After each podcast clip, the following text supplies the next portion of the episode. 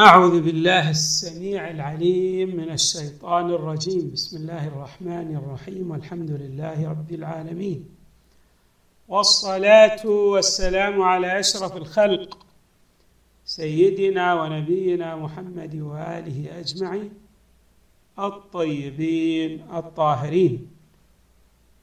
قال الله تعالى في القرآن الكريم ربنا لا تزغ قلوبنا بعد إذ هديتنا وهب لنا من لدنك رحمة إنك أنت الوهاب ربنا إنك جامع الناس ليوم لا ريب فيه إن الله لا يخلف الميعاد صدق الله العلي العظيم.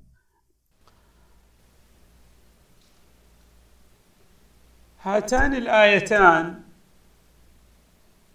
لهما ارتباط وثيق بما تقدم.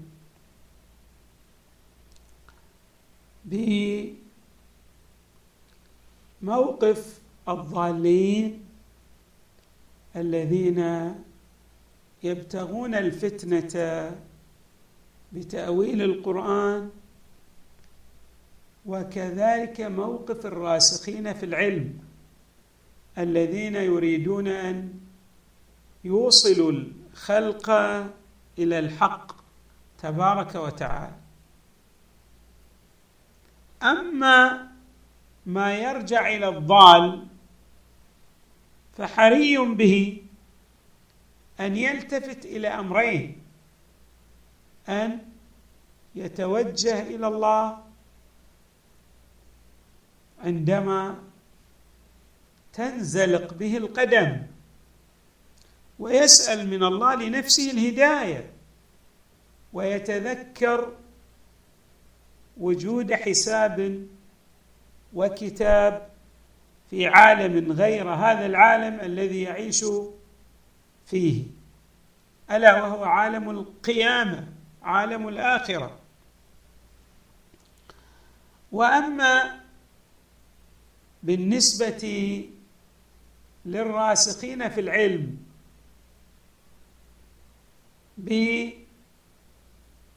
بالقسمين اللذين ذكرناهما من المتوسطين ومن أصحاب المراتب العالية فهؤلاء ديدنهم الالتجاء إلى الله. أما أصحاب المرتبة المتوسطة فلأنهم لا يعلمون بحقائق القرآن يسألون من الله الهداية ويخافون على أنفسهم لكونهم لا يعلمون أن ينزلقوا عن جادة الصواب. وأما العلماء من الراسخين في العلم فهؤلاء يسألون الهداية من عند الله تبارك وتعالى لأمور متعددة.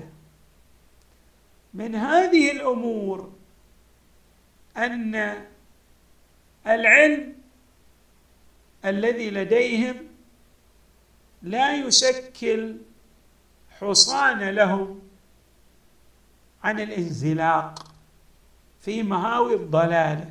الإنسان قد يكون عالما كما في بلعم بن باعورة ولكنه قد ينزلق إلى وادي من أودية الضلالة والغواية. فاذا الراسخ في العلم أيضا يخاف على نفسه ويبتهل إلى الله بألا يجعل قلبه يزيغ. ربنا لا تزغ قلوبنا بعد إذ هديتنا بعد إن كان من المهتدين. يسأل من الله الاستمرار في طريق الهداية. وكيف يتاح للإنسان أن يستمر في طريق الهداية؟ بالالتجاء إلى الله بإظهار فقره إلى الله. الله تبارك وتعالى يفيض عليه النعم. وقد وردت بعض الروايات التي تفصح عن هذا المعنى بأن الإنسان بسبب دعائه بسبب ضراعته إلى الله ولجوئه إلى الله الله تبارك وتعالى امتن عليه بأن جعله سائرا على الصراط السوي والمستقيم ولم تزل قدمه. اذا هؤلاء العلماء من الراسخين في العلم يدعون الله تعالى تعالى خوفا على أنفسهم من الزيغ والضلالة لعلمهم بأن ما لديهم من معارف وعلوم وإن كانت كبيرة ولكنها قد تشكل ضلالا لهم بإلتجائهم لها واعتمادهم عليها وانفصالهم عن الحق تبارك وتعالى مع أنه لا قوة إلا بالله. الله تبارك وتعالى اذا يبين لنا في هاتين الآيتين. في الآية الأولى أهمية الدعاء للأقسام الثلاثة للأصناف الثلاثة للضالين ولمن هم من المتوسطين وللراسخين في العلم من أصحاب المراتب العالية كما عبرنا عنهم. كل هؤلاء حري بهم أن يضرعوا إلى الله أن يبتهلوا إلى الله داعين الله أن لا يزق قلوب قلوبهم بعد الهداية. ويسألون من الله تعالى الرحمة. لهم. لأن هذه الرحمة من أين تأتي؟ هذه لا يراد بها الرحمة الرحمانية وإنما يراد بها الرحمة الرحيمية اللطف الخاص الذي إذا أفاضه الحق على أحد من الخلق نال ما يبتغيه. وإن كان هذا يعني إذا جعلنا المعنى بال أنهم يسألون الرحمة الخاصة هذا يتناسب مع أهل المرتبة المتوسطة من الإيمان وأهل المرتبة العالية الرفيعة. من الإيمان. الذين هم من العلماء. ربنا لا تزغ قلوبنا بعد إذ هديتنا وهب لنا من لدنك رحمة إنك أنت الوهاب. اذا عرفنا لماذا يدعو هؤلاء العلماء الله تعالى ألا يزيغ قلوبهم وأن لا يزق قلوبهم لئلا يميلوا عن الحق إلى الباطل. لأن العلم قد يغريهم كما يغريهم المال قد يؤثر عليهم كما يؤثر عليهم المال والسلطة والجاه وما إلى ذلك من الأمور التي تشدهم إلى الأرض. ولا يراقبون الحق تبارك وتعالى في حركاتهم وسكناتهم. هذا الأمر الأول. الأمر الثاني وهو يتقاطع مع الأمر الأول هو أن هؤلاء العلماء من أصحاب الرتب العالية في العلم من الراسخين في العلم. عندما يدعون الله تعالى أن لا يزق قلوبهم أن لا يجعل هذه القلوب تميل عن الحق إلى الباطل يلتفتون إلى مسألة جد هامة ألا وهي مسألة الاغترار بما لديهم من علم. الإنسان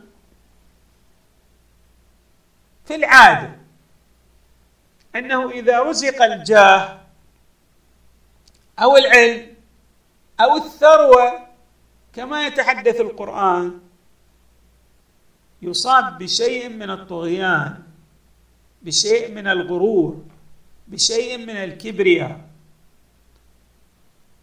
قال إنما أوتيته على عين. هذه الأموال يعني ليس بسبب وجود امتحانات إلهية ومقادير للحق تبارك وتعالى يجريها على الخلق ليمتحنهم بما يعطيهم إياه من نعم.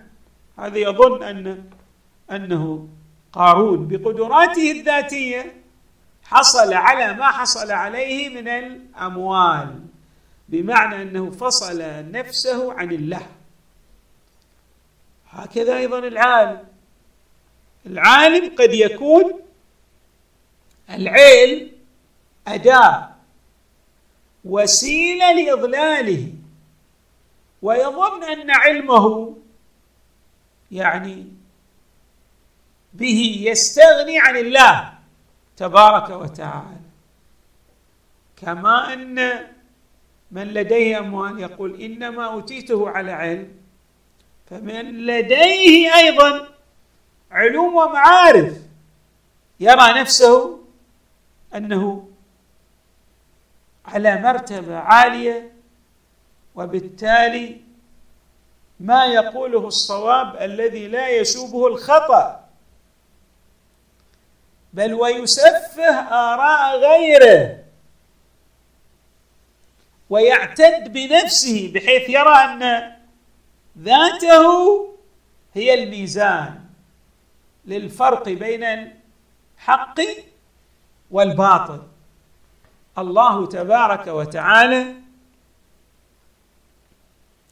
يلفت انتباه الإنسان إلى أهمية اللجوء إليه في الشدة والرخاء في السراء والضراء. لئلا يصاب الإنسان بهذا النحو من العجب والكبرياء والغرور الذي ينفصل به عن عن الله تبارك وتعالى ويبدأ في الاعتماد على قدراته الذاتية على علمه إلى أن يظل يبتعد عن الحق تعالى ويبتعد أيضا عن الحق كمعارف وعلوم وحقائق. ربنا لا تزغ قلوبنا بعد إذ هديتنا وهب لنا من لدنك رحمة لأن الإنسان لولا هذه الرحمة التي يرحمه بها الحق تبارك وتعالى لما وصل إلى ما وصل إليه. وبالتالي هذه الرحمة هي عطايا ونعم من الرازق المنعم الوهاب. إنك أنت وهاب وهاب فعال. كثير المواهب والنعم والعطايا على الإنسان لكن هذا الإنسان نعم كفور. ويرى أن ما يحصل عليه هو باستحقاق ذاتي من ذاته وليس من نعم الله عليه. الأمر الآخر الذي يجعل الإنسان يجأر بالخصوص من العلماء من الراسخين في العلم يجأر هذا العالم إلى الله بالدعاء أنه يتذكر الوقوف بين يدي الله والحساب الدقيق. وهذا الوقوف بين يدي الله والحساب الدقيق. هذا الله تبارك وتعالى ابانه في عدة من آيات القرآن الكريم. فمن يعمل مثقال ذرة خيرا يره ومن يعمل مثقال ذرة شرا يره.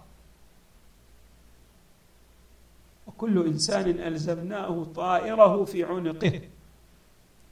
ونخرج له يوم القيامة يوم القيامة كتابا يلقاه منشورا. اقرأ كتابك كفى بنفسك اليوم عليك حسيبا.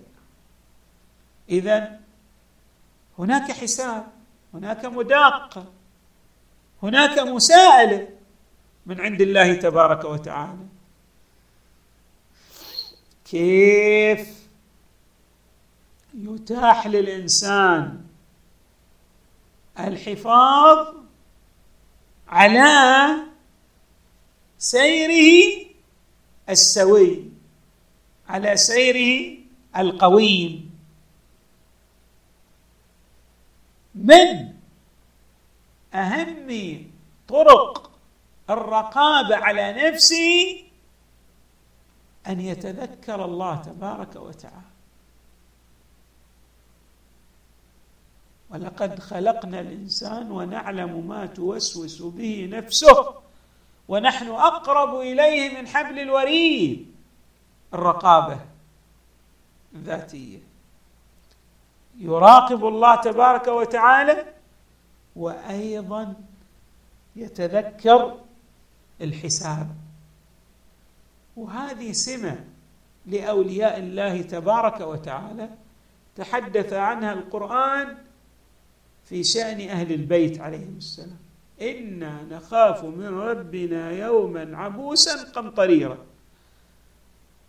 هذا الخوف من الله والرقابة لله كفلان بأن يجعل الإنسان يسير في الطريق السليم.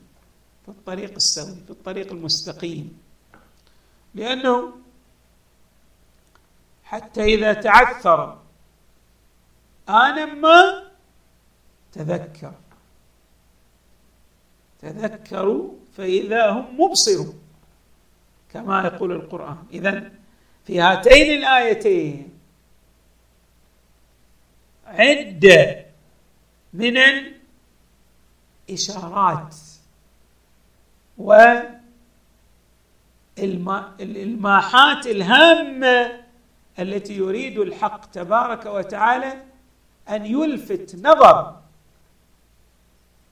الزاغ عن جادة الصواب والمتوسط من المؤمنين العلماء والذي وصل إلى درجة عالية في علمه أيضا. وأصبح من الراسخين في العلم حري بالكل أن يتوجه إلى الله وأن يلتفت إلى عظمة الحق وأن يستشعر مقام العبودية لشخصه بالسؤال والضراعه إلى الله والخوف من حسابه في يوم القيامة. وذلك الحساب الذي لا ريب فيه لا يعتريه الشك. هذا أمر حقيقي يشكل الحقيقة التي لا يشوبها إبهام. والحمد لله رب العالمين وصلى الله وسلم وزاد وبارك على سيدنا ونبينا محمد وآله أجمعين الطيبين الطاهرين.